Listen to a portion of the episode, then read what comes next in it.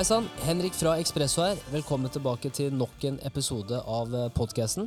I dag så prater jeg med Emil Solli, og det som var så gøy med i dag, var at dette var første gangen han var med på en podkast. Jeg syns han håndterte det kjempebra.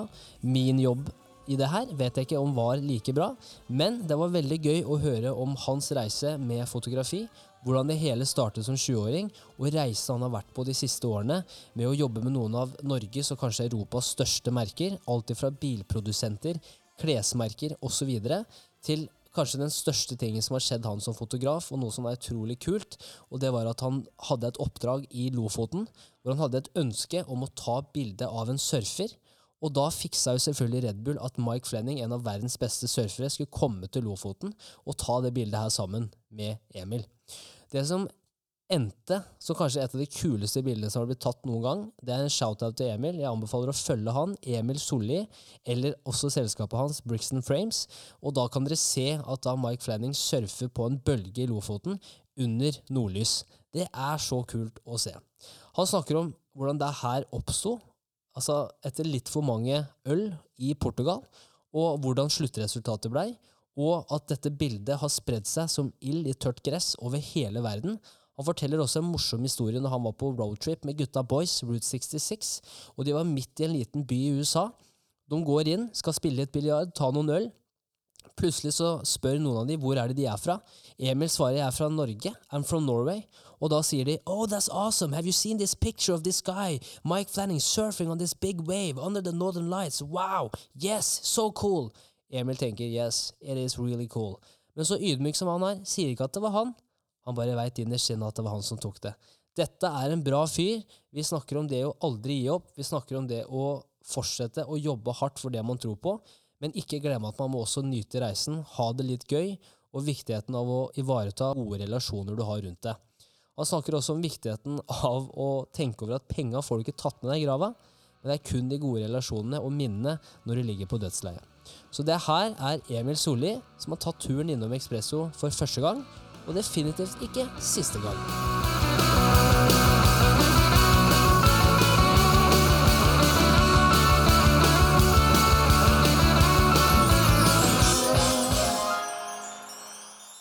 Kjør podkast, Emil. Velkommen tilbake til Myntgata. Takk for det. Oi, Der oi, der var eh, bjørnungen knekt. Der var den. Og vi er klar eh, for nok en samtale. Du var jo her eh, tidligere også. Nå ser du at vi har eh, litt andre lokaler. Vi måtte flytte litt på oss, men nå har vi i hvert fall fått et eh, større rom. Stepper opp litt. Stepper opp litt, som passer til egoene våre, som er up and coming artists. Mm. eh, For å si det sånn. 100 100 Hvordan er det å være tilbake? Ja, Det er helt nydelig. Ja.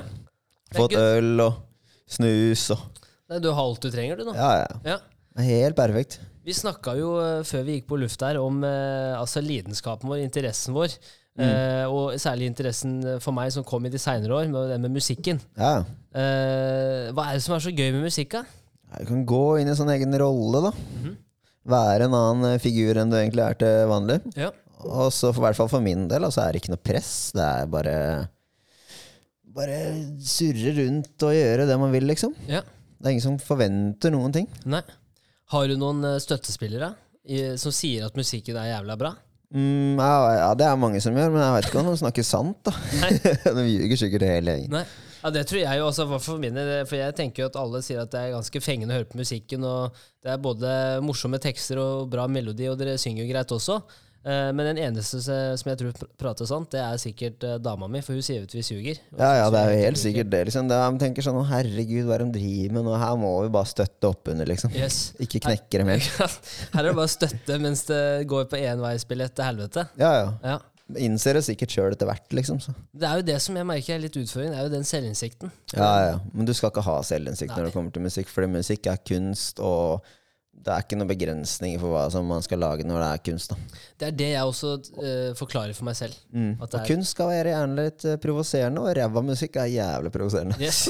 Er Perfekt. Og subjektivt veldig, Ja. veldig bra, syns vi, da. Ja, ja. Ja. Nei, Så lenge man har det gøy med de greiene der, så tror jeg det er mer enn nok. Ass. Det er ingen som forventer noe mer enn det. Nei, men jeg er helt enig, og, og, og det, er, det er noe jeg merka seinere, at jeg har jo sunget mye opp gjennom åra i dusjen. Mm ja. Det blir jo veldig ensomt. ja, ja. Men det blir fint òg, da. Eh, Det blir fint òg. Mye bra klang. Ja, Det- god akustikk. God akustikk i dusjen. Eh, mens nå i det senere år så Har du prøvd i sånne der eh, offentlige dusjer? Der er det helt sinnssyk klang. Da legger jeg på litt sånn, eh, litt sånn opera. Litt sånn Ja. Ja, ja. så går det på andre stemme, og så bare Ja, Så blir det helt sinnssykt. jeg har en samtale med meg sjøl. Det er jo egentlig å lage en hel opera på 45 minutter. Og det står der i dusjen. Så Mm. Ja, det er det er bare å invitere folk med i sånne offentlige dusjer. Ja, og det er det jeg begynte å gjøre nå. Nei, kano og hele pakka.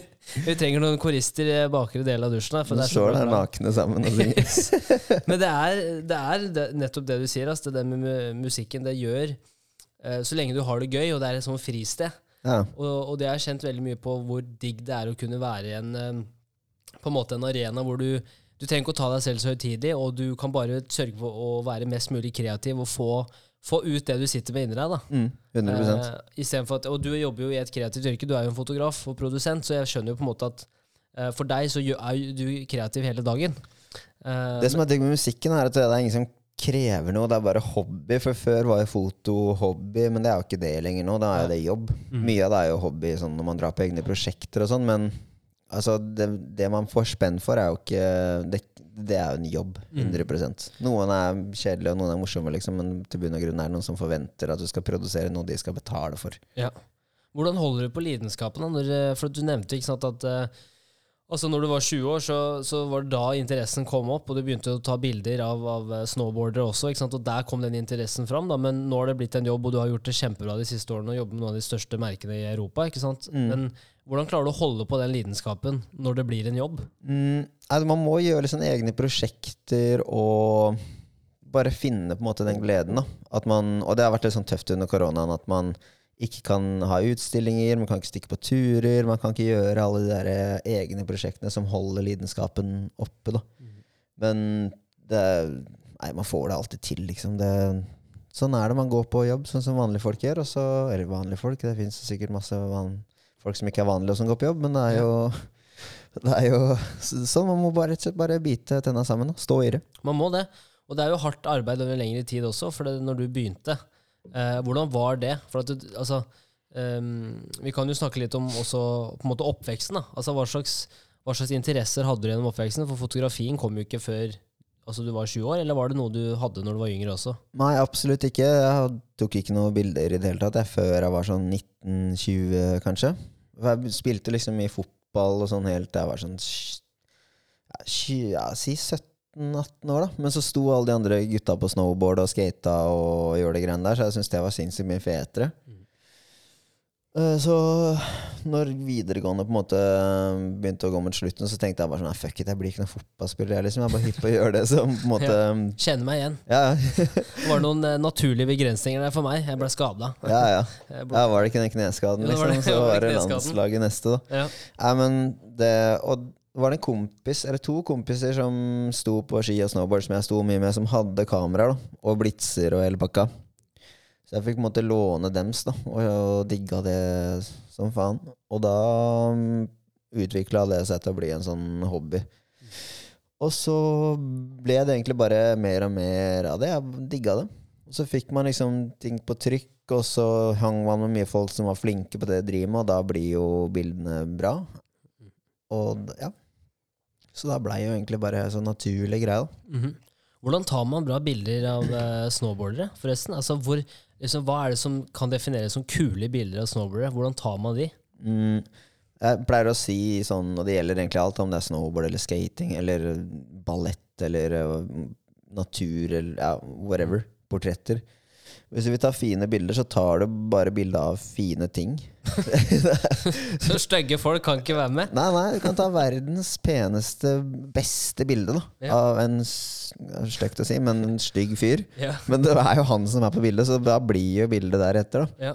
Altså Stikker du til Lofoten, da, for eksempel, så kan du bare ta en haug med bilder nesten hvor som helst, og så blir de imponerende og fine. Fordi naturen er så syk. Og sånn er det på snowboard også. Hvis du tar bilde av en helt sinnssykt god snowboarder, Ja. så går han stort på hopp. Han gjør spek som man pleier å si liksom i avisa, det er spektakulære ting. Mm. Og da blir det automatisk bra bilder. da Folk blir imponert av det. Det er lett å ta fete bilder av flinke folk. Mm. Og det gjelder egentlig det meste. Ja. Er det noen snowboardere som eh, har vært helt rå å ta bilder av? Mm, ja, ja, sånn i starten så tok jeg mye bilder på konkurranser og Og da var det liksom hele den der X Games-gjengen og det greiene der. Men det, i snowboard så er det egentlig sykt mye stil som har mye å si, da. Det er mange som kan liksom de spektakulære triksene, men noen har fetere stil enn andre. Ja. Og det hjelper jo helt sinnssykt mye, da. Og det jeg syns det er helt rått å se hva de får til i lufta. Det er jo altså ak akrobatikk på det øverste nivå. Det er jo helt insane. Ja, det er helt insane, og de siste årene har det jo bare blitt helt sinnssykt. Ja. Hvordan heter han norske, han som har vært med X Games en del ganger? Han som gjør Altså, jeg følger han jo på Instagram. Markus Kleveland. Ja, Ja, han har tatt jo- masse bilder med. ikke sant? Og det er bare de triksa han gjør. Ja.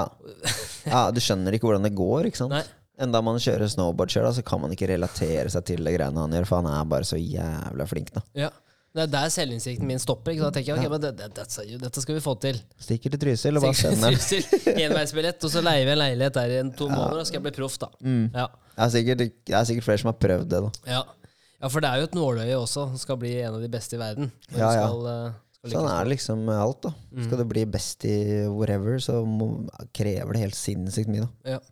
Altså er det jo altså, De snakker jo om det, ikke sant um, Altså balansen mellom, uh, mellom uh, på en måte arv da Mm. uh, og ha talent. Men at det kom, du kommer jo ikke langt hvis du ikke har på en måte arbeidstiden bak deg, Og du legger inn arbeid. Mm. Det Eh, fins jo på en måte to talenter, føler jeg. da Talenten for sporten og talenten for trening. ja. Så hvis du er helt sinnssykt talentfull i sporten, så hjelper det ikke at du ikke gidder å gjøre noe ekstra for å bli best. Da blir du ikke best.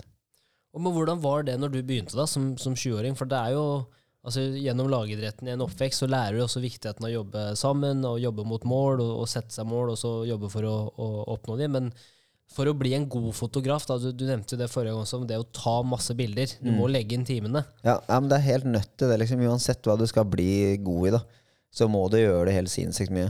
Om det er fotball eller uh, ishockey eller gitar eller whatever, så må du bare legge ned timene og ta sjukt med bilder, for det utvikler deg jo ikke Du kan jo sitte og se på langrenn hver jævla helg, liksom, men du blir ikke god på langrenn av det. Så du må liksom rett og slett bare ut og gjøre det. da Mhm. Så kan du sitte og, Det er jo sikkert sykt mange som sitter på YouTube og nerder og geeker og ser på videoer, og ordner og styrer, men du må på en måte bare ut og kjenne på det selv. Mm. Ta de bildene og se hva som fun- funker, og utvikle stiler innenfor foto, og teste blitser og motiver og hva som Ja, rett og slett bare gjøre det jævla mye, da. Ja. Man ser jo ofte sånn eh, Man kaller det bare motivation porn. Ja, Har du sett når alle driver og ser på YouTube-videoer om å bli motivert? ja. ja. Og, og så sitter de der i fire timer, og så har de blitt motivert, men de har ikke gjort noe. Hva faen skal jeg bli motivert til, da?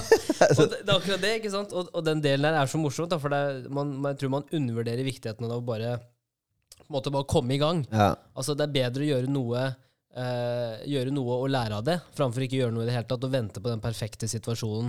Nå kan jeg gjøre det, ikke sant? Mhm. Eh, du må ha en liten slurk med øl her. Det er viktig. Få det inn. Ja, jeg åpna to bokser, jeg er bare sånn sikker på at jeg fikk i meg to. Ja. ja, For du er jo ikke fra Oslo. Du er jo litt utafor, du òg, så du er jo vant til å drikke med begge hender. Ja ja, 100 Yes. Jeg er fra SM, så um, ja, drikker sikkert mye pils i byen òg. Man drikker mye pils på SM òg, altså. Ja, På Kolsinger så drikker man mye annet òg. Ja, Det er ja. jo, det er jo hjemmebrent all the way, da, ja, ja. for å si det sånn. ja. Eh, ikke bli sur nå, mutter'n. Ja. Tenkte, tenkte jeg bare skulle dele en Fatter'n veit jo om det, han har jo visst det ganske lenge. Men, Ja, ja. ja.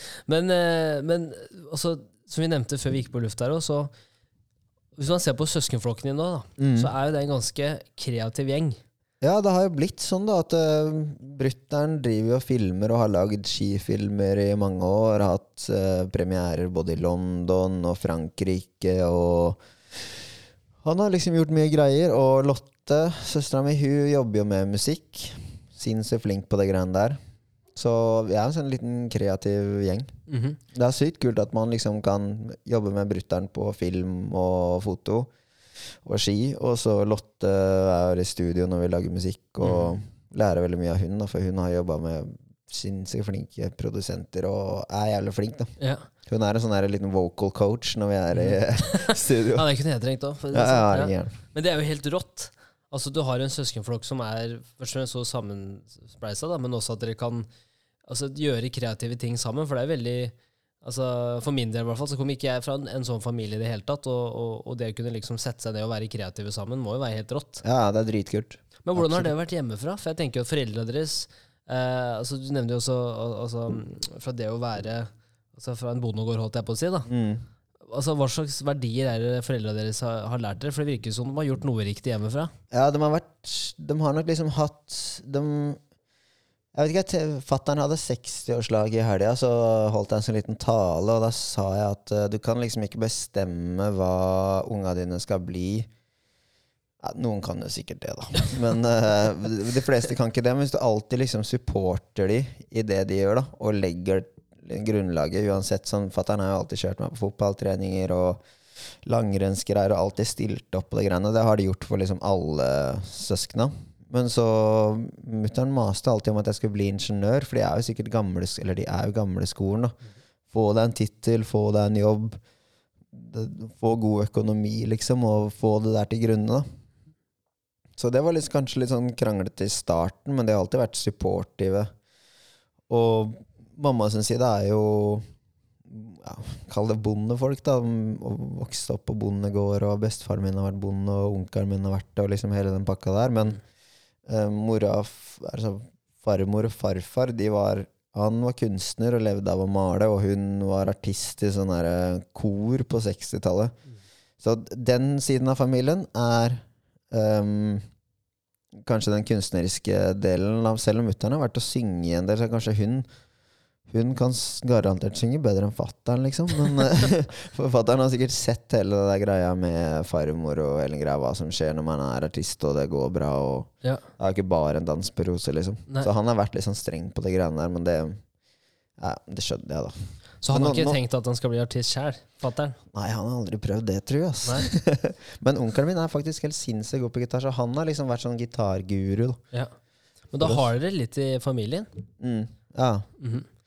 Ja, 100 Ja, for det er jo sånn Altså, jeg bare tenker gjennom min egen oppvekst, og det jeg tenker veldig mye over, er jo sånn som mormor. Når, når jeg var hos hun når når jeg vokste opp, så var det sånn hun hadde alltid et piano. mm. Hun var utrolig dyktig på piano. Mm. Eh, mora mi også var veldig flink på piano når jeg var yngre. Mm. Men det som er litt synd, at ikke det ble lært av en ung alder. For jeg tror det å kunne et instrument, Ja. det åpner opp så mange måter å uttrykke seg på, da. Ja, ja. Og alt man lærer når man er kid da, eller ung, det lærer man så mye fortere og så mye bedre. Du glemmer jo ikke å sykle, liksom. Nei. Sånn er det liksom Ja, det er sant, ass. Vi også hadde et piano stående i stua liksom hele oppveksten, men det var så jævla surt, så jeg spilte aldri på det. Men det er noe med det, ikke sant? At det er Når man ser tilbake, så skulle man hatt litt den derre altså, Jeg var med på lagidrett og alle de tingene her gjennom, gjennom oppveksten og fram til jeg på en måte ble 18 og, og flytta hjemmefra. Mm. Men det å kunne liksom ha en sånn en del av For jeg har jo alltid vært glad i musikk. Altså Mm. sånn, Jeg syns det er moro med musikk. Jeg hører på alle slags uh, sjangere. Synger i dusjen er én ting, og får mye glede ut av det. da Så om man kunne begynt litt tidligere, så hadde det vært helt magisk. For, Mm. for å si det sånn Absolutt, ass. Men hvilke forbilder hadde du? da? Altså når du vokste opp, det? Hadde du grønne fingre og måtte hjelpe til, eller var det Ja, jeg måtte absolutt hjelpe til med liksom alt av sånn der gårdsarbeid der hjemme. Vi Ja. bodde jo ikke på gård, da bodde vi i sånn vanlig hus på SM. Liksom bære ved og rake gresset og klippe hekken og liksom Man må bare ta et tak, da. Ja. Så, men forbilder Når jeg vokste opp, så var det sikkert David Beckham eller noe. da alle sveisene hans? Ja, jeg hadde, jeg hadde de sveisene, ja. Mhm. Og de der pikéene hans. Ja, ja. Det var liksom hele der. Men så Man har jo for, forbilder innenfor applaus. Åh, Takk, David Beckham. David Big Beckham. ups. Oh, what a man. What a man. men hva slags, hva slags ting gjorde du på den tida? Altså, du var i lagidretten og sånn, men uh, For at vi, vi har jo snakka om det på podcasten tidligere. Sånn, hvis du ser de som vokser opp i dag, altså iPaden er alltid en halv meter unna. Det er Ja. liksom alltid iPad og telefon fra de er fem-seks år. Men hva gjorde dere på den tida? Mutter'n hadde sånn, der, um, sånn klokke du har når du baker. Sånn, sånn en liten løk som hun hadde på, um, på kjøkkenbenken. Ja. Så vi fikk liksom en halvtime eller tre kvarter med en sånn Gameboy eller PlayStation hver dag. Da. Så vridde hun på den løken 35 eller 45 minutter. Når den ringer, da er det bare å komme seg ut, liksom. Ja. Og da var det bare å stikke opp på fotballbanen eller Ja. stikke ut og kjøre snowboard eller ake. Eller, det var liksom ikke snakk om å sitte inne da. Den er ikke dum. Nei. Vri litt på løken, og så er det Ja, ja. 35 Vri litt minutter. på løken, og så er vi der. og så er det rett ut. Ja, Da ja. må du ut når du har fått, eh, når du fått vridd løken litt. Nå er det ut. Mm. Ja, den eh, Det skjønner jeg. Den er fin. Men har du hatt noen minner gjennom oppveksten som har satt prega? Har det vært noen ting du har sett tilbake på som har vært sånn Fader, det har forma meg litt som person. Ja, det at man på en måte um, alltid måtte ut og gjøre ting. Og det var ikke alle de andre kidsa i gata som var like eh, hypp på å gjøre ting. Så det var alltid vi som sykla rundt. Jeg husker det var back in the days når du måtte sykle bort til folk og ringe på og bare sånn Hei, er han hjemme, eller? Mhm. Og så måtte du kanskje sitte på trappa og vente ti minutter, liksom. Yes. Så, men da var det sånn, da var vi alltid de som sykla rundt da, og fikk med folk opp på fotballbanen. Og liksom, man blir en sånn liten Kanskje en liten leder av å gjøre det på den måten. Alltid være han som tar inch. Ja. Og det har liksom tatt med inn i fotogreiene òg, da. Å være han som tar inch og får ting til å skje. Og det tror jeg er jævlig viktig i det greiene der. For det er jo ingen som I starten er det ingen som ber deg om å ta de bildene. Nei. Det må du bare gjøre. Du må, altså sånn det med alt, du må jo ta inch, du må få ting til å skje. Skape ting, skje ting. Eller få Ja, det er ingen som bare kommer og putter hendene på deg, liksom. Du må Nei. ta inch. Men er det noen egenskaper gjennom oppveksten som du kjente på at dæven, sånn som det å ta inch er jo en av de, men uh, for altså, veldig ofte gjennom en oppvekst altså, er det jo vanskelig å føle at de egenskapene man har, er, egenskapene man har, er en styrke. Veldig Ja. ofte så er det sånn Å, faen, jeg skulle ønske jeg var litt smartere, eller jeg skulle ønske jeg var litt høyere, eller jeg skulle ønske jeg var litt sterkere. Ikke sant? Det er Mm. alltid noen sånne ting. Da. Og hvordan, hvordan bygger man den selvtilliten også i forhold til å finne ut ting man er god på i en tidlig alder? Ja, nå bytta jeg på en måte om alt da Når jeg var 17-18 år. Slutta med alt jeg dreiv med og begynte med nye ting. Så egentlig bare det at man er allsidig, er egentlig det jeg har tatt med meg mest, tror jeg. Altså. Mm. At man må bare tåle å jobbe for ting. Ja, ja for det har, jo, det har vi jo sett nå. Altså Viktigheten av Selv om du bor i Norge, da. Mm. Et, altså, vi har jo en gullbillett bare å vokse opp i et land som Norge. Vi er jo ikke sant, 0,01 eh, i verden. Altså, vi er det beste vi får ikke et bedre land enn Norge Ja, på mange måter. Det er En helt sinnssyk greie å vokse opp her, altså. Ja.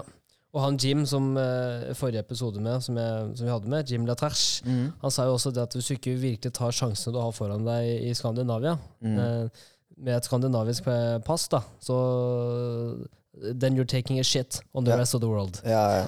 Og det er, det er jo litt sånn. Det skal sjukt mye til for liksom at det skal gå ordentlig til helvete. Hvis du prøver nye ting. da. Ja. Du har en ganske frihet til å gjøre de greiene der. Går det til helvete, så kan du bare finne en jobb et eller annet sted. Vi har så god, god økonomi, og det er Ja, det er jævla bortskjemt, det der. Altså. Mm. Og man prater jo ofte om det, men jeg tror kanskje ikke like mange tør å ta den risikoen da, hvis de finner noe de er lidenskapelig opptatt, Mm. opptatt av. Um, men for din del, da, når du måte, begynte med foto som 20-åring, når var det du skjønte at det her kan faktisk bli, bli et levebrød? da? Eller dette kan faktisk bli noe som ikke bare er en hobby, men Mm. noe som faktisk blir en jobb? Det som skjedde ganske fort, var at jeg begynte å ta bilder for sånne magasiner og hjemmesider av snowboardfolk. Uh, og da skjønte jeg at liksom, de vil ha bildene. For det, det er ikke så lett å finne folk som har lyst til å betale for bildene dine i starten. Men uh, ja, det, det skjedde ganske fort, og så fikk man bilder på trykk. Og så fikk jeg en jobb i Nike ganske fort. Uh, I Nike Global, som sånn eh, snowboardfotograf og social media-ansvarlig. Og det ga jo på en måte muligheten til å ha litt frihet, da. At man hadde den der um, faste inntekta. Jeg tok den jobben jævla useriøst. da Det var jo en ganske seriøs jobb. Det var sikkert sånn sju-åtte intervjuer. Jeg bryr meg jo ikke om jeg var hypp på den jobben, for da kunne jeg liksom få den friheten til å gjøre det jeg ville. da Mm. tror jeg, faen, jeg tror jeg ble kicka etter sånn sju måneder. Eller. Da var det bare sånn at vi ser at det her ikke funker for deg. Det var ikke noe oppfølgingsplan. Nei, det var ikke det. Altså, det var jo en sånn frilans. Jeg var ikke ansatt. på en måte Jeg fakturerte det jo ved enkeltmannsforetaket mitt, så det var ikke noe sånn at det var noen oppsi- oppsigelsesperiode. Eller noe. Det var mer sånn der, Jeg tror vi bare så på hverandre, og så nikka vi, og så var det sånn, ja. Og ja, vi skjønner det sjøl. Hva sa de da? Etter sju måneder sa de at eh, Var de norske, eller var det Ja, de, de jeg jobba med, på, var norske. da, var sånn kontor ute på Lysaker. Ja. Og de bare Nice try, Ja. men uh, Ja. ja. Ja, skjønner det sjøl. Det bare nikker bare der, ja. ja. Ja, ja, men da er det greit. Den er grei. Men Da la det på en måte grunnlaget. Jeg ble kjent med helt sinnssykt mye nye snowboardere. Fikk reise mye rundt, fikk være med på de store tinga. Ja, så det, det var helt perfekt. det. Bruk, brukte det litt som sånn springbrett. Hvil- hvilke råd vil du gi til eh, unge fotografer som altså, For det er jo en balansekunst. ikke sant? At du må jo vise hva du er god for først. Du må på en måte vise at du kan ta bilder, og du må dele det med folk. ikke sant? Jo flere Mm. oppdrag, så gir jo det deg også et større bibliotek av bilder som du kan vise til nye kunder, f.eks. Ja, Porteføljen er på en måte det viktigste. Ja, men hva, hvordan vil du på en måte, Hva slags råd vil du gi til de som akkurat begynner? da? Hvor er liksom, Når er det man bør begynne å ta betalt for bildene sine, f.eks., versus ok, når er det jeg kan få bruk for bare referansen eller for porteføljen? Du må mm, Du må bare ta helt sykt mye bilder. Faen, jeg hadde noe smart jeg skal si. Hva var det? Hva er det? um, jo, eh, man må bare ta helt sykt mye bilder og stå på. Og vise bildene. Legge de ut på Instagram, Facebook, kanskje TikTok. Jeg er ikke på TikTok. Kanskje på Onlyfans, hvis det er det du vil drive med. Yes, så betaler for det også. Ja, der er det lett å få betalt. Ja, du har erfaring? Ja, ja, ja. Det har vært inne Nei da. Eh, Nei, man må rett og slett bare stå på. Det, ofte så deler man jo på en måte det feteste man gjør på Instagram. Da. Så må man tenke at han artistfotografen der, han henger ikke bare med de artistene. Liksom. Han er på jobb tolv dager, nei, 12 timer den dagen og hører på noe sånn fæl musikk og går rundt og tar bilder. Da. Det er som det ligger mye jobb bak alt. Mm. Og det er jo sånn Folk sier jo sånn Hva faen får fotballspillere så jævla mye betalt for å spille der 90 minutter med fotball? Liksom, flere millioner i uka. Så må man tenke at det ligger sjukt mye jobb bak. da Mm. Det er jo, Man ofrer jo helt sjukt mye for det greiene der. Og det må bare folk tåle. Ja. Du må ut der, og du må stå på, og du må ta inch. Du må ha det litt kjipt der og da, og så bare få får man betalt for det etter hvert. da Du virker jo som du er veldig laidback, med litt vanskeligere, utfordrende tider også. For det er jo det er som du sier, at hvis du skal prøve å gjøre noe som er altså litt vanskeligere, da, eller gjøre noe som gjør at du kan skille deg ut, eller at du kan få til noe mer enn folk flest, da, så, så må man jo også være veldig bevisst på at det kommer til å være vanskelige tider og utfordrende tider og osv. Um, Ja, ja. Men liksom Det tok jo sikkert tre-fire år før jeg skjønte, eller kunne fakturere en OK sum for å gjøre en jobb. Ja. Men sånn er det med folk som tar utdannelse. da Mm. De går jo på skole, og får jo ikke betalt før de er ferdig på skolen. liksom da, Sånn er det litt med foto òg. Mm. Tre, fire, fem år, liksom, så må du bare Jeg ser på de bildene jeg tok Når jeg starta. Tenkte at de var bra da, liksom. Ser på det nå, så er jo ikke det bra i det hele tatt. Nei. Så jeg skjønner at folk ikke var hypp på å betale for det. Men Ja. der og da, så man må alltid tenke at det man gjør, er bra, og ha litt confidence. Og Mm. ja, men du må bare gå for den. Ja. Jeg er helt enig. Det er det samme her med den første episoden. Ja. Jeg faktisk hørte på det i dag tidlig, og så skal jeg bare høre tilbake igjen, bare for å se ok, hvor er det vi kommer fra. da. Mm. Og så skjønner jeg jo med en gang at fy faen, for en, eh, for en læringskurve, altså Ja. erfaringskurve det har vært nå, de siste, siste månedene, eller de siste et og et halvt åra. da. ja, men det må man bare tåle at man er litt ræva i starten. Du kan Ja. ikke bare starte med en ting og være dritgod. Mhm. Noen kan jo sikkert det òg, men det er, de fleste kan jo ikke det. Nei. Nei, Og så er det jo den derre som jeg tror veldig mange undervurderer, og det er som du, som du sier der, som er så viktig, det er den? Vi snakker tre, fire, kanskje fem år Mm. før ting virkelig begynner å løsne, og ikke nødvendigvis løsne at du tjener eh, ti millioner i året. Nei, Altså, det men gjør at du ikke som fotograf, så det er jævlig greit. Så det- Den innstillinga skal dere ha. Men at det løsner i form av at du virkelig nå begynner å få kunder, og begynner folk, eh, folk begynner å dele innholdet ditt. Mm. Uh, og det er litt den samme på måte, tankegangen jeg har hatt med podcast nå, er at jeg kan ikke forvente at For at hvis du ikke begynner med 500 000 følgere på sosiale medier, f.eks., eller Nei. du har du er kjent fra før, selvfølgelig. Du ser på alle de podcastene som er ute nå, at de aller, aller fleste blir jo uh, starta moderne, moderne media, VG, Ja, hvor de henter inn influensere ja, ikke sant? som allerede har eh, 500 000 følgere. ja, ja, men det er feigt. Ikke sant? Det er akkurat som eh, Paradise-folk driver og lager låter eller musikk. Ja. da Yes. Det er jo liksom Jeg skjønner jo at folk driver og hater på det greiene der fordi det liksom Det er feige lag. Ja, Men sånn er det bare, liksom. sånn er det. Mm. Og da tror jeg det er også viktig at man er bevisst på, uh, på det at det er en del av reisen. på en måte, At det er, du kommer til å ha noen som allerede har en stor følgerskare. Mm. Uh, men det er derfor det er viktig å ikke gi seg. da. Ja, Og- du må ikke gjøre det. Ikke sant? Og det var jo samme med deg òg, at du jobber over tre-fire år, og du tenker at det her, ja, du har ikke sant, selvtilliten, men du Mm. vet også at det, det kommer til å ta litt tid før det løsner. da. Mm. Ja. Men nå er jeg liksom på si tiende året da, som fotograf. Mm. Og det var jo først for sånn fem fire-fem år siden det liksom løsna ordentlig, ordentlig. Man må bare da gjorde liksom noen prosjekter og sånn som på en måte kickstarta alt. da. Som får en del oppmerksomhet. og Så må man bare være jævla hyggelig, og kontakter har liksom helt sinnssykt mye å si. Ja. Du er jo en jævla hyggelig fyr. Ja, jo, takk for det. jeg bare skulle si det. Jo, jo, det er, jo, takk, det samme. Jo. Hyggelig vi bygger hverandre opp her. Ja, ja, ja. Men du har jo Altså, vi snakka om forrige gang at du var jo en tur i Portugal, Mm. i Lisboa. Og så snakka du om et av de prosjektene du gjerne hadde lyst til å få til. Ja, ja. En av, eh, altså Jeg har jo sett de bildene selv, du delte det også her om dagen, Mm. eh, fra Lofoten. Mm. Eh, altså, for det første, det er jo helt rått, men kan ikke du fortelle oss litt hva som skjedde når dere var i Portugal, og den reisen som vi også har snakka om tidligere, da? Jo, jo. Mm, jeg hadde, liksom, jeg hadde et, en sånn drøm om å ta et bilde av en surfer med en fra land, men at en fyr lå i vannet med blits i solnedgang. Sånn at man får det derre Jeg digga liksom blits på det der tidspunktet der, da, så jeg tenkte sånn Det der er sjukt. Da var det en surfer på bølgen, en eh, fotograf i vannet med en radiosender fra kameraet mitt til blitsen hans i et sånn vannhus.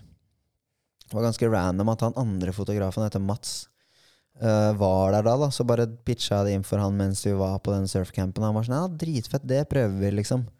Så ble det bildet ganske rått. Kom på trykk og fikk litt oppmerksomhet. Og så tenkte vi sånn Faen, vi gjør det her større.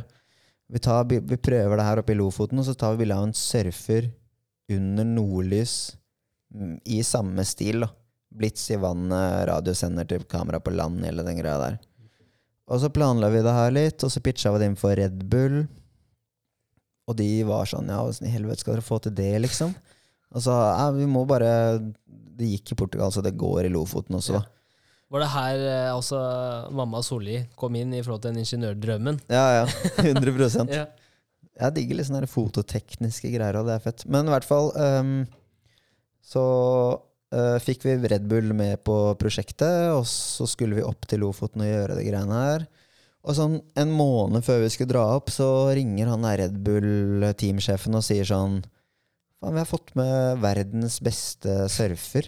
Eh, det er jo helt rått. Og vi bare sånn Nei, kødder du? liksom? Vi skal egentlig bare gjøre det med en annen fyr, da.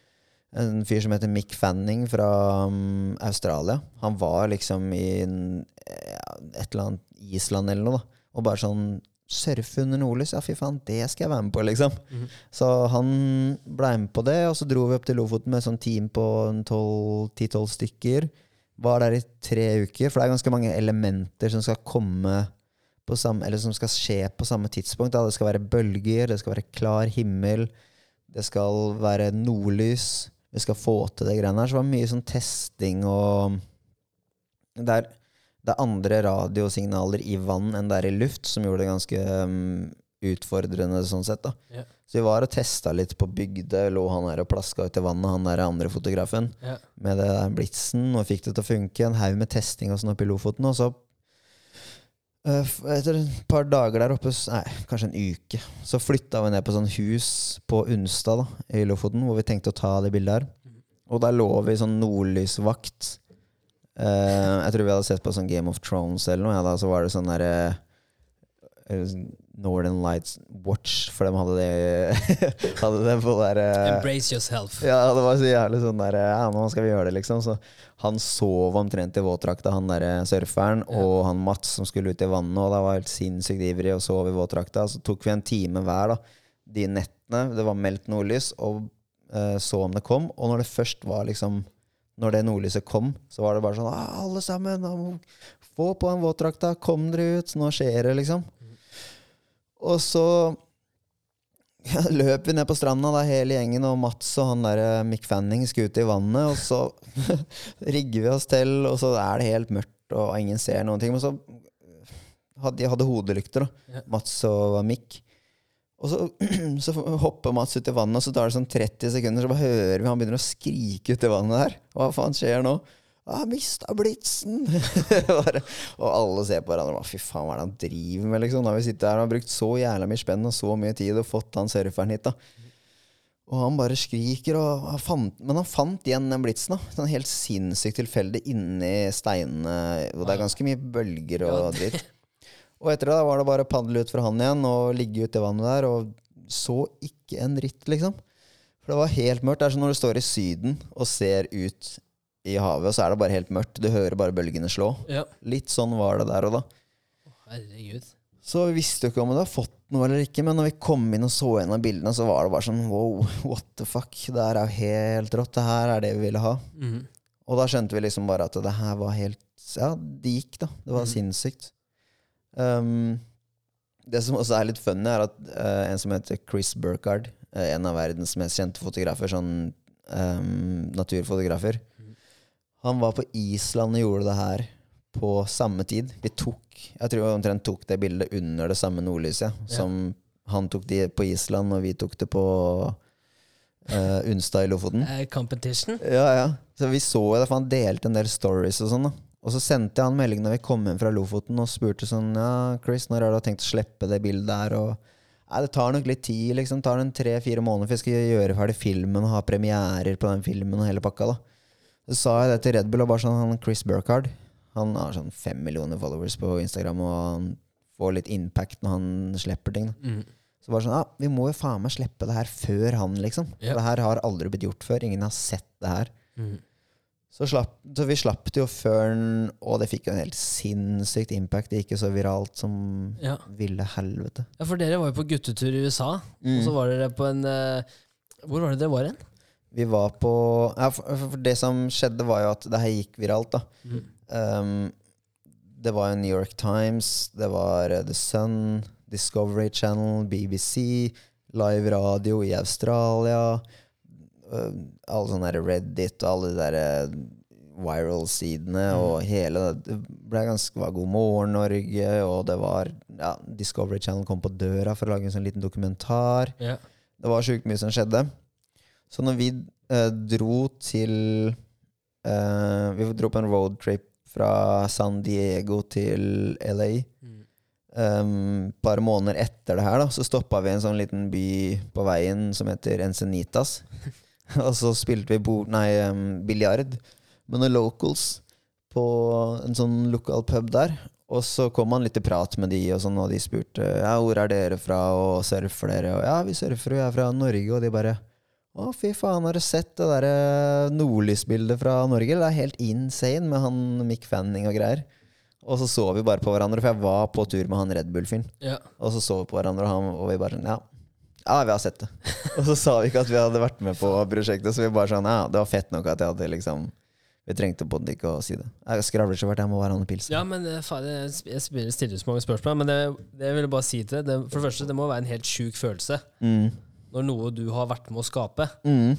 at det sprer seg Ja. eh, som ild i tørt gress over hele verden. Ja, det er helt sinnssykt. Husker jeg måtte stå opp sånn sinnssykt tidlig en, jeg klokka tre på natta fordi vi skulle ha live radio i Australia.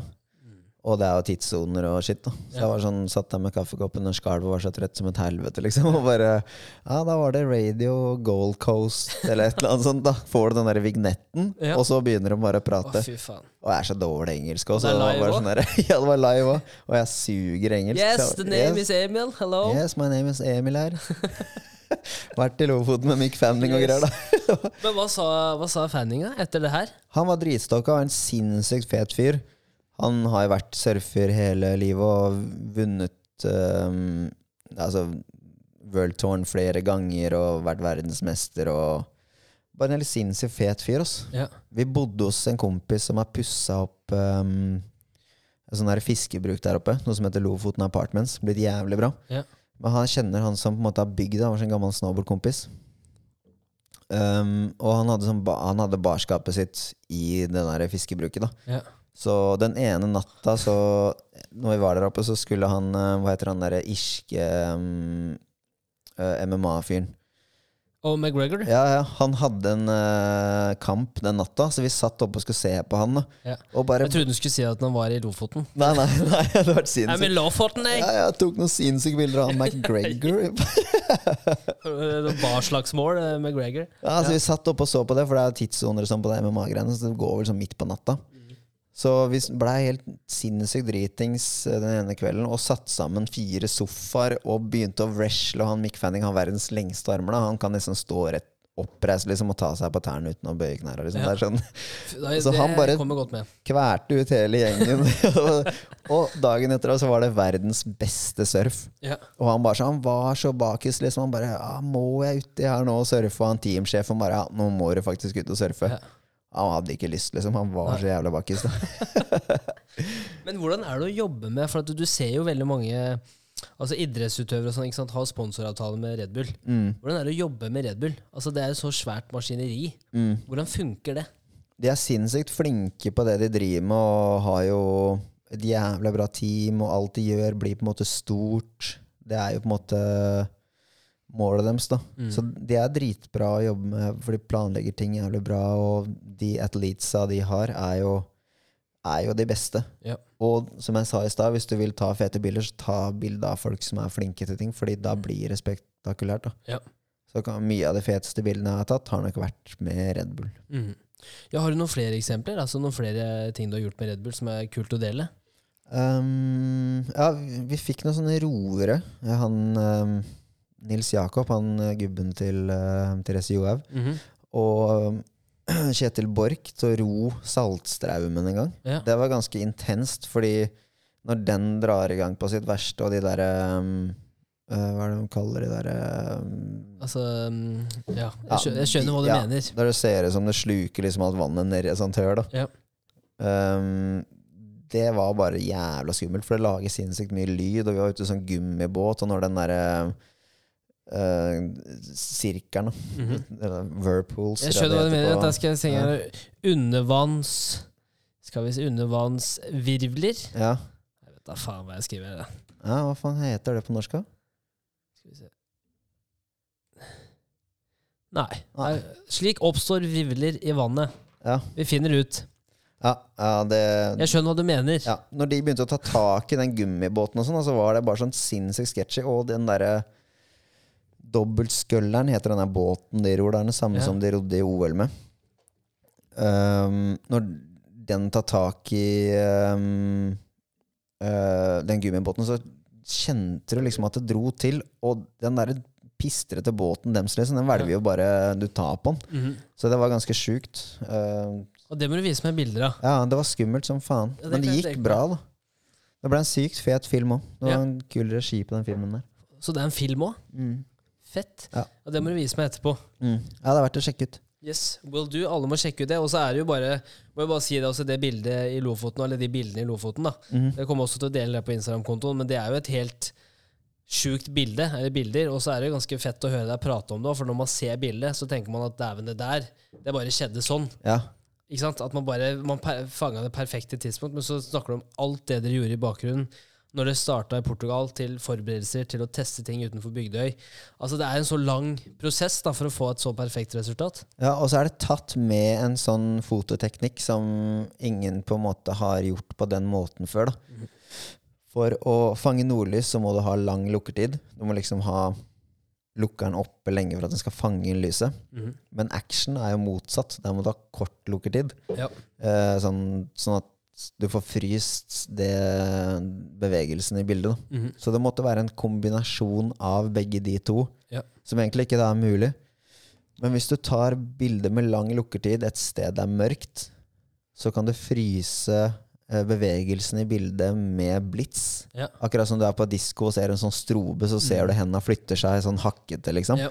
Akkurat det samme, da. Ja. Så det var liksom sinnssykt mange som trodde det var fake. Var han der NRK-fotografen, han Kyrre Lien, som er en ganske um, anerkjent fotograf. Dere Drev og sjekka dette av masse programmer, og ja, det var ekte. Så Ja. det er det feteste, at du har tatt et bilde som er ekte, men folk tror det er fake. Mhm. Det er Ja, det er rått. Men det er jo ingeniørkunst òg. For at når du prater nå, så er det tenker jeg sånn, fy fader, hvor mange brikker som må være på plass mm. for at det skal bli et bra bilde. på en måte. Ja, ja. Det er helt sjukt. Ja, det var sjukt at det gikk. Det var fett at det gikk. Ja. Vi fikk jo sykt mye andre bilder på den turen der som ble jævlig fete. For det er jo, han er jo sinnssykt å surfe, og naturen der oppe er jo Ja. dritfet. Så det er jo ganske lett, Og bare det å surfe er noe Fy fader, for en eh, kroppskontroll. Det er så jævlig mye du skal skjønne. Det er liksom ikke som å kjøre ut på snowboard, da, så kan du bestemme alt sjøl, men surfing så er det bare masse bølger og strømmer og slitsomt. Folk tror det er chill å surfe. Det er Ja. faen ikke det, ass. Nei. Det er bare slitsomt. Og så har jeg sett de videoene av de som altså, surfer på verdens største bølger òg. Ja, Altså, du I Nazarea i Ja. Portugal. Du får jo altså, bakoversveis eh, hvis Ja, du det der er jo helt sinnssykt. Du dauer jo hvis, du er uti der og ikke skjønner spillet. Du var jo klin gæren. Ja, ja. Ja. Men som en fotograf, da altså, For nå er det liksom, ser tilbake på ti år som fotograf, og du har lært veldig mye på veien også. Mm. Men samtidig så er det også sånn Altså, Norge er jo et lite land. Uh, og det er liksom sant, fem millioner pluss innbyggere. Mm.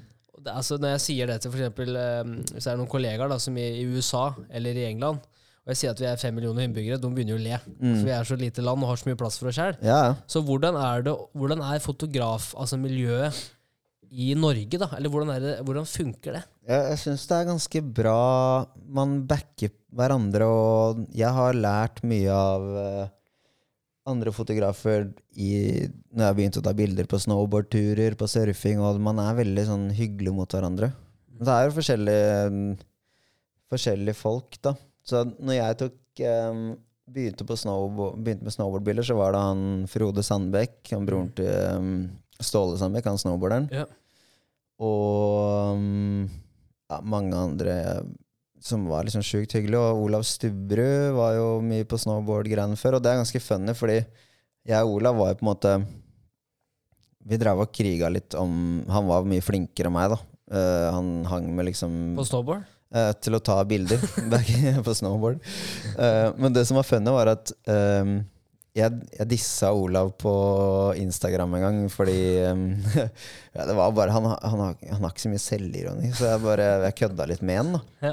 Så trodde han trodde det var kødd tilbake, men så satt jeg på kontoret mitt på Kontoret mitt på Nike, og så ringer han jeg bodde i kollektivet, og bare sånn «Øh, Du, Olav Stubberud står utafor døra di i sånn olavest med balltre og skriker etter deg. Så, faen er det? så var jeg sånn Hæ?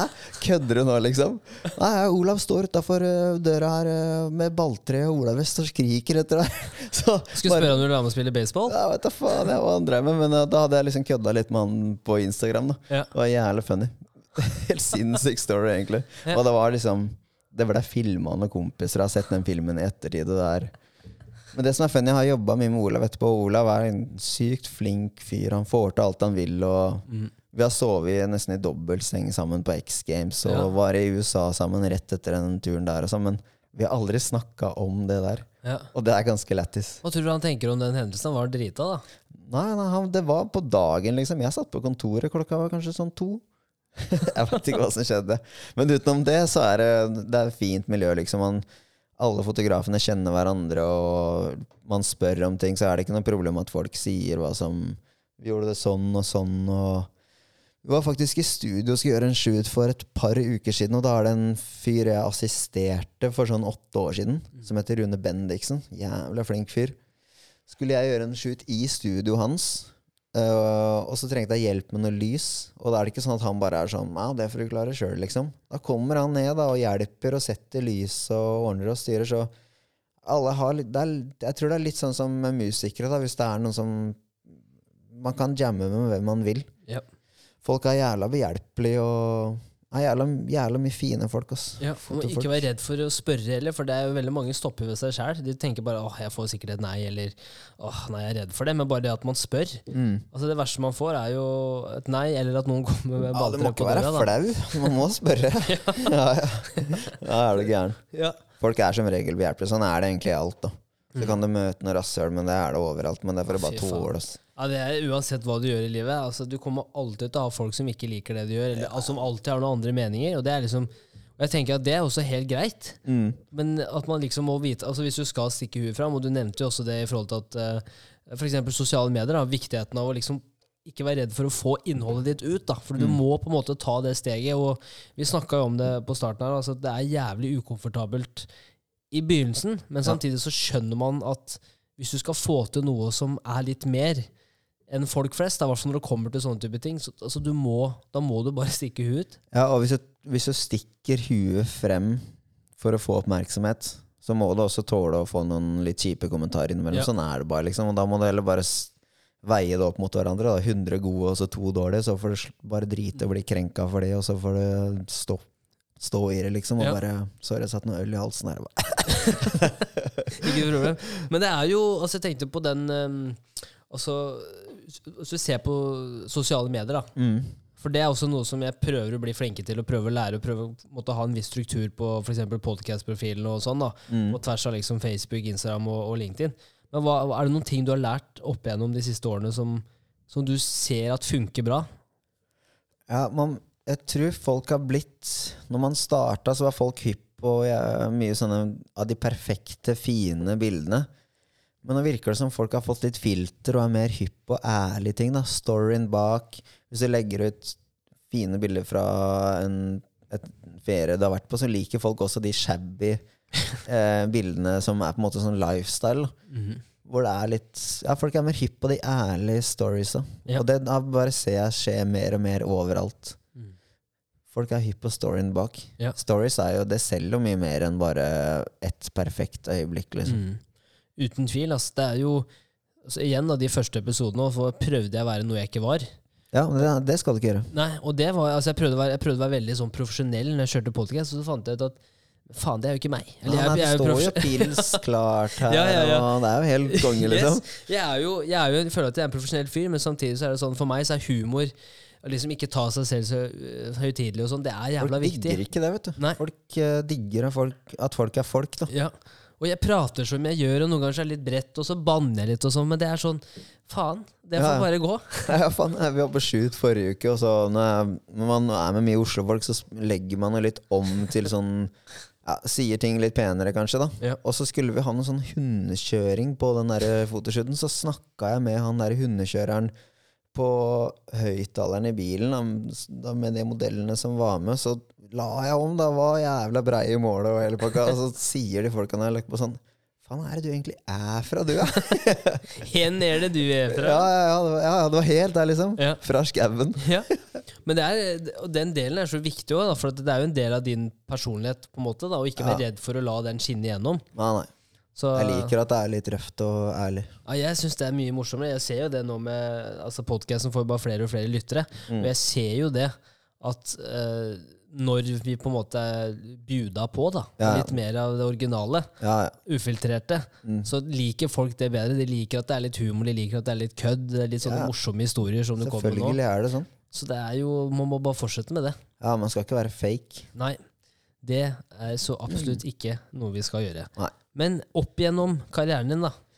Eh, altså, det, det bildet og det prosjektet i Lofoten er jo et, selvfølgelig et helt, helt rått prosjekt, og en rå eh, på en måte prosess å være med på også. Mm. Men jeg veit også at eh, Samsung og The Frame, og jeg har jo flytta til en ny leilighet, og Ja. The Frame er på veggen. Må Mm. bare en liten sånn, eh, Jeg er ikke sponsa av Samsung. Ja. Har du frame på veggen? Jeg har en frame på veggen. Ja, rått. Den er fet. Fikk Ja. sånne brune rammer òg, så den ser jo faen meg ut som et maleri. Ja, det er det som er poenget, da. Kunne ikke jeg fått et sånt uh, foto av deg som jeg kan få på veggen? Jo, jo. Ja. Det, det er jo det som er funny med The Frame. Ja. Fordi vi s- ehm, stakk til Lofoten og gjorde et prosjekt der med Samsung for tre år siden.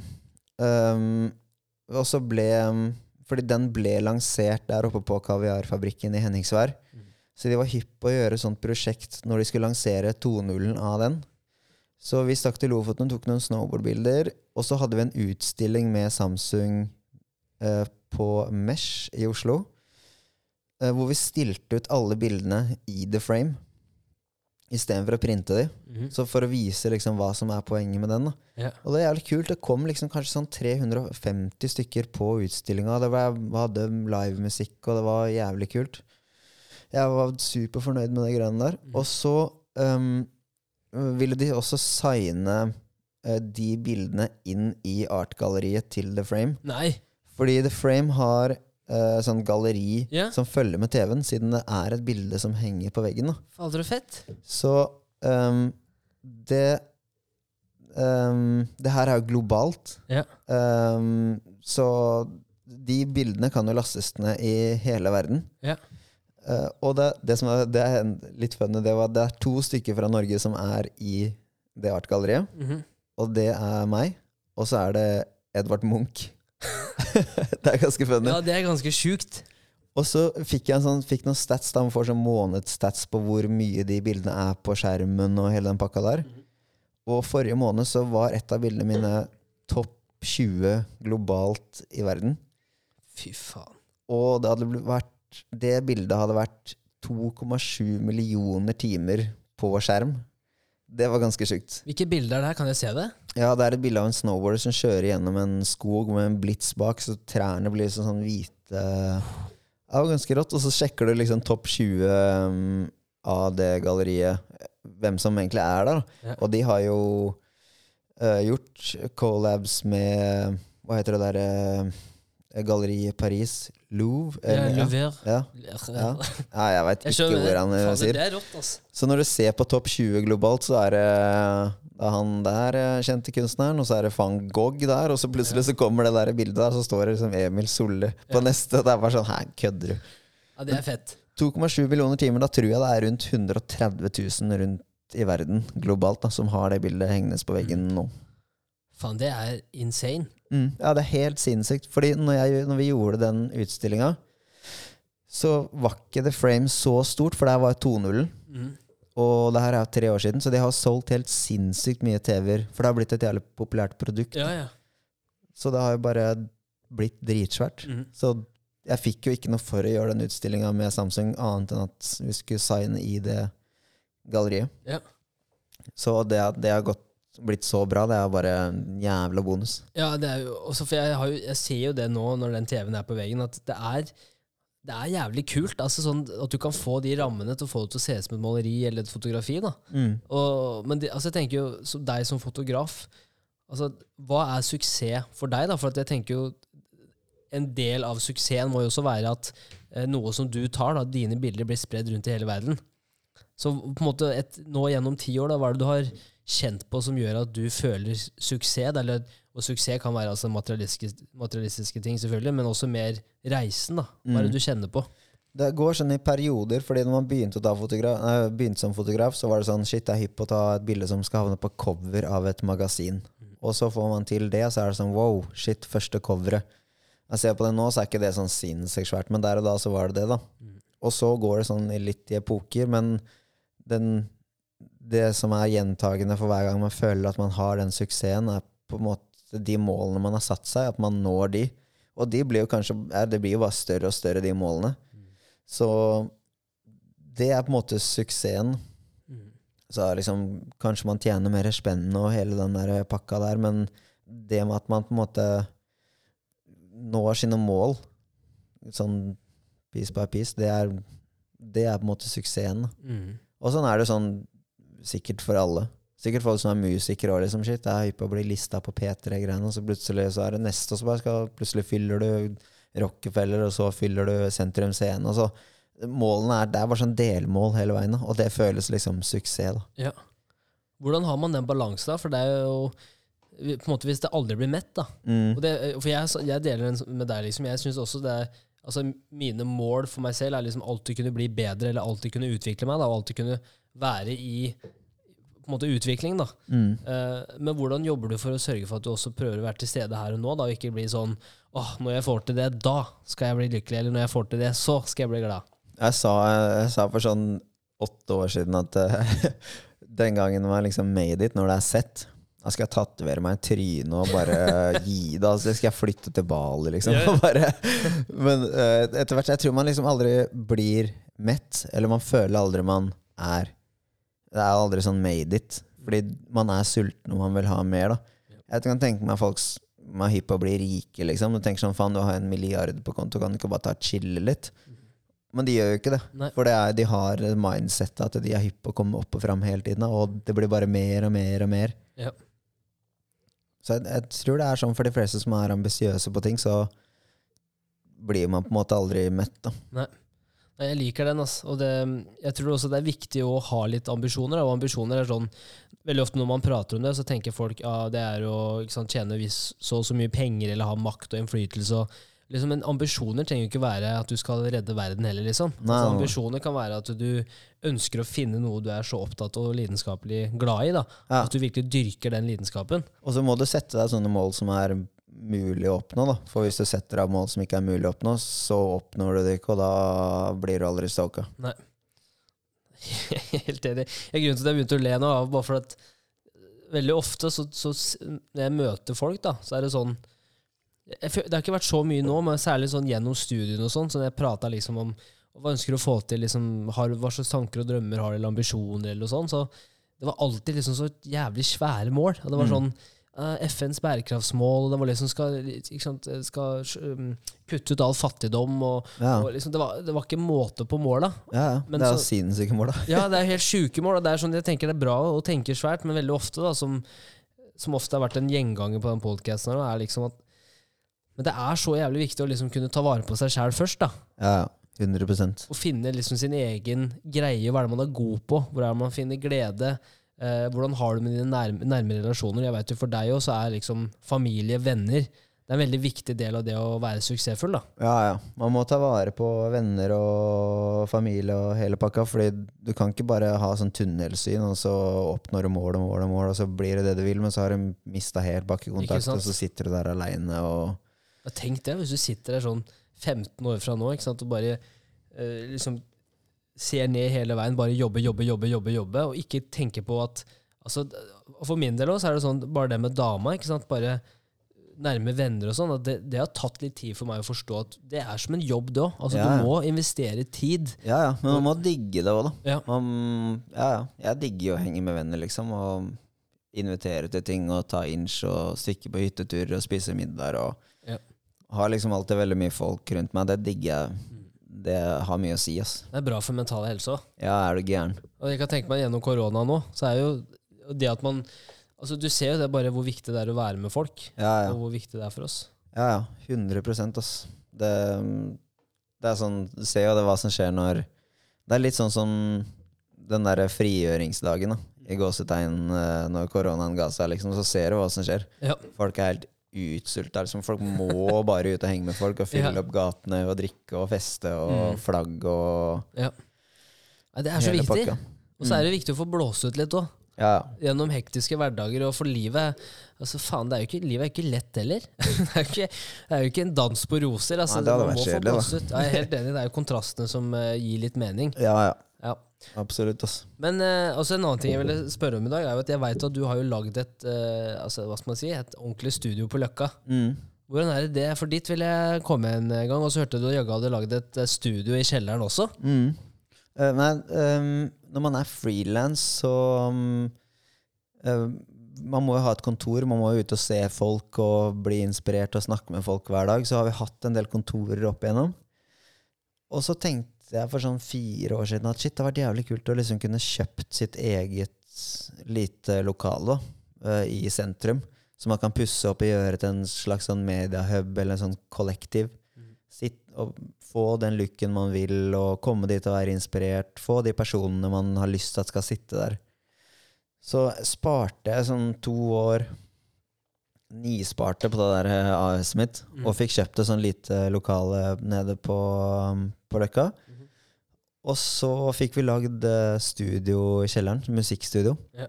Så det har bare vært sånn sinnssykt inspirerende greie, sånn møtepunkt da, for sjukt mye folk. Og nå har vi fått inn masse fotografer og filmere som sitter der, og man kan gå hver dag og liksom ha den derre litt normale hverdagen. Ja. Det, det funker så sinnssykt bra. ass. Mm. Det har nesten blitt en co-working space, er det det det Ja, det er jo egentlig det Ja. det er, da. Med, altså, med de folkene man ønsker å sitte med. Så der sitter det musikkfotografer, filmere uh, Det er liksom folk man kan jobbe med hele tiden. Ja. Og få til det er liksom sinnssykt kult. Og så kommer det folk innom og drikker kaffe, og så drikker pils etter jobb. Og man må liksom ha den normale hverdagen. Mm. Men det beste er det der musikkstudioet vi har lagd i kjelleren, hvor du liksom kan Fordi når det er fra Bygdal, da, Ja. så er du hypp på den derre um, garasjen.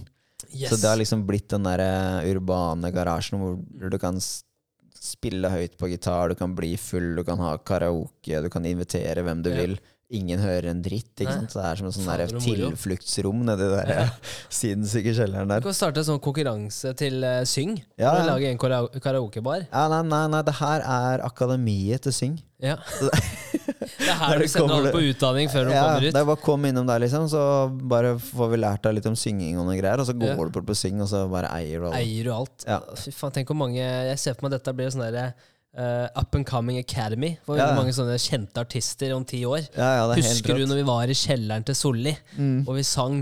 Ja, det er eh, det ganske fett. Vi har hatt liksom Astrid S har vært der på karaoke, og. Chris Holsten har vært der på karaoke. Og det har liksom Det har vært, gøy. vært god trøkk, for det er en svær TV-skjerm. For vi bruker det basically til å vise film til kunder. Ja. Uh, hvor det er sykt bra musikk, nei, eh, høyttalere, en svær skjerm. De kan komme ned dit, og så kan man jobbe med filmen. Ja. Og så bruker vi det til bandene til å spille inn musikk, og andre band bruker det til å spille inn musikk. Ja. Og så um, med den skjermen og de høyttalerne og mikrofonene. oh. Det er jo perfekt karaoke-setup. Så da er det jo liksom det. der, da. Det blir ikke bedre enn det. Ja, det å omringe seg med flinke folk òg. Mm. Så sånn, hvis du ønsker å bli enda bedre på det du driver med, så hvor viktig det er å faktisk henge med folk som du kan lære av. Du trenger liksom ikke være den beste i det du driver med, hvis du bare jobber med sjukt flinke folk. Mm. Og det er jo oftest eh, mye folk som har bygd opp store bedrifter, og sånn, har skjønt det. da Ja. At de er ikke flinkest på alt. Hvis de slipper litt ansvar over til andre folk da som er flinke, så er man jo et team som gjør det greiene her. Ja.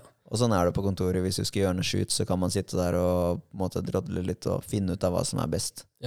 Resultatet blir jo 100 ganger bedre når du kan få folk, eh, la folk gjøre det de er gode på, eller Ja, det de er best på. For man er ikke best i alt, liksom. Nei, dessverre. Sånn er det med foto. Det finnes jo, Du må sette lyset, du må, på film må du ha lyd. Og det er liksom Jobb med de flinke, folka som er flinke, så blir det jævla bra. da Ja. En, altså, apropos å være med flinke folk, i dag har det vært kjempegøy å ha deg med her. Har det vært gøy? Ja, det har vært helt konge. Ja. Vi kan jo prate i en evighet. Ja, det skal vi ikke. Nei, det skal vi ikke. Men jeg veit at det ikke blir siste gangen. Og det er Jeg syns det er kjemperått å liksom høre om den reisen også. Og som fotograf også, noe som har vært veldig fjernt for meg. I, forhold til Hvordan er det egentlig Hvordan er livet som en fotograf? Da? Hvordan jobber man på prosjekter? Mm. Eh, så er det ganske rått å høre om liksom alle de detaljene som må være på plass for å virkelig få til et eh, jævlig bra resultat. Mm. Og bare den reisen med Samsung? At, at det bildet blir bare spredd altså over hele verden. Helt sinnssykt, altså. Det er rått. Mm. Ja, det er helt rått. Hva er planene videre? Mm. Nei, nå er det en del jobbing framover mot sommeren. Og så skal jeg gjøre et sånt eh, prosjekt, en ny utstilling, nå som koronaen har eh, gjort det mulig igjen. da. Og så ble jeg faktisk booka til noen festivaler med bandet i sommer, så det er ganske fett. Yeah. Så du skal spille Rett før sommeren skal du spille på en festival nede i Skien med Turboneger og Onkel P og sånn. Så det var sånn Det er ganske sjukt fra liksom, hvordan det bandet starta, da, til hva som har skjedd. Hvordan det Det må være helt rått. Ja, ja. Det må også være en sånn bare sånn avslutningsvis, en sånn bekreftelse også på at faen liksom når folk egentlig har lyst til å booke dere inn, og så tenker jeg at da må du gjøre noe riktig. Ja, man gjør jo det. For det bandet starta liksom bare som en sånn der eh, morogreie. Mm. Vi skulle gjøre en sånn der um, utstilling med Carlings, Uh, med noe sånn sustainable jeans-greier for de, da. Og så skulle vi gjøre den utstillingen i Oslo, um, Helsinki, Stockholm og Göteborg. Og så tenkte jeg bare sånn, faen, det hadde vært jævlig fett å ha med et band liksom på den uh, turneen der, da.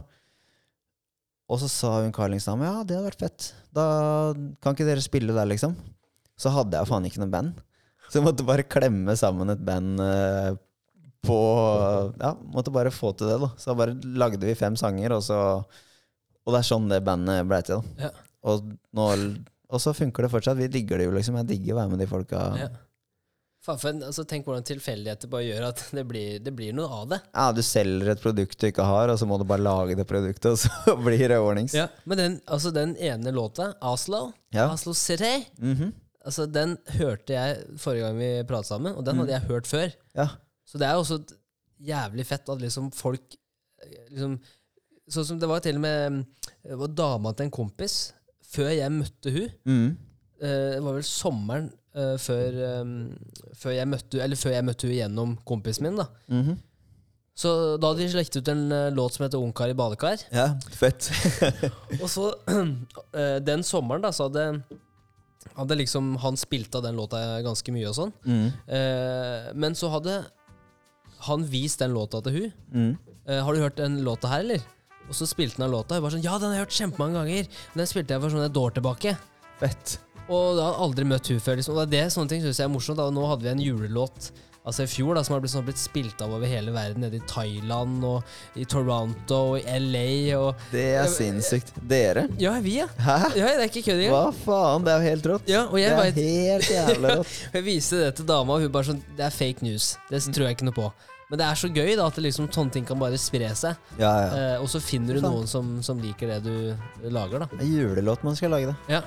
Vi spilte på jævlig mye hår, da. Så det albumbildet er bare meg i en bar eh, brystkasse. Oh. Så det er jo sikkert burde, Ja, det er derfor han gikk viral. Jeg tror det. Spille på med hud er det jeg har lært. For, eh, for å bygge meg suksess. Mm. Ja. Nei, men Emil Konge, tusen takk for at du tok turen. Jo, så drithyggelig. gleder jeg meg til neste prat igjen. Ja, ja. Helt rått. Vi snakkes. Hyggelig.